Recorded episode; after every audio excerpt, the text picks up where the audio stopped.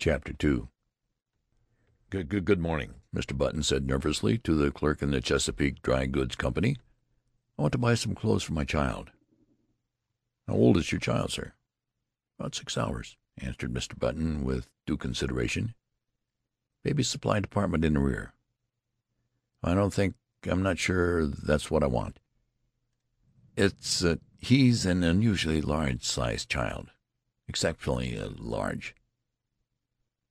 "They have the largest children's sizes."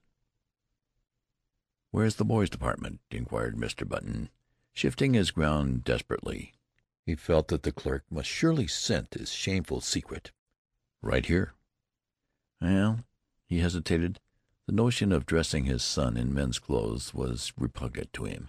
If, say, he could only find a very large boy's suit, he might cut off the long and awful beard, dye the white hair brown, and thus manage to conceal the worst and to retain something of his own self respect, not to mention his position in Baltimore society. But a frantic inspection of the boys' department revealed no suits to fit the newborn Button. He blamed the store, of course. In such cases it is the thing to blame the store. "How old you say that boy of yours was?" demanded the clerk curiously. "He's sixteen." "Oh, I beg your pardon. I thought you said six hours.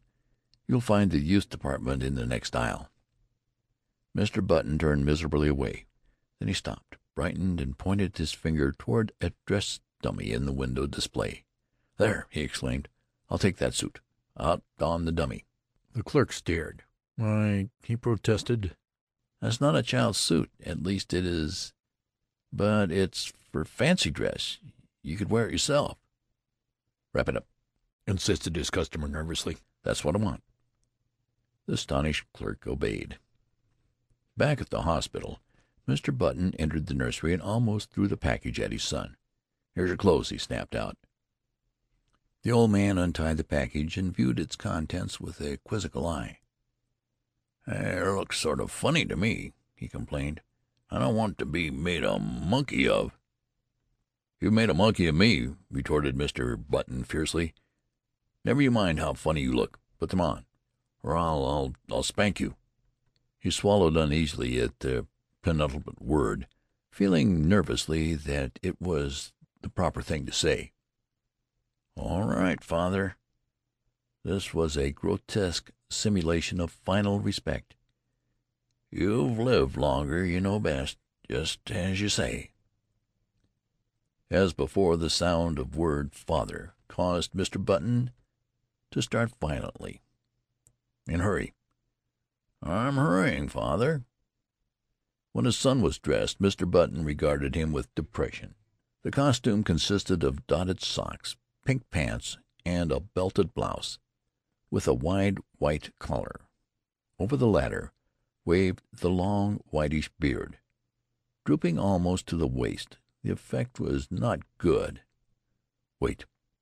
Mr. Button seized a hospital shears, and with three quick snips amputated a large section of the beard.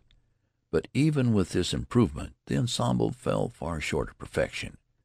The remaining brush of scraggly hair, the watery eyes, the ancient teeth, seemed oddly out of tone with the gaiety of the costume.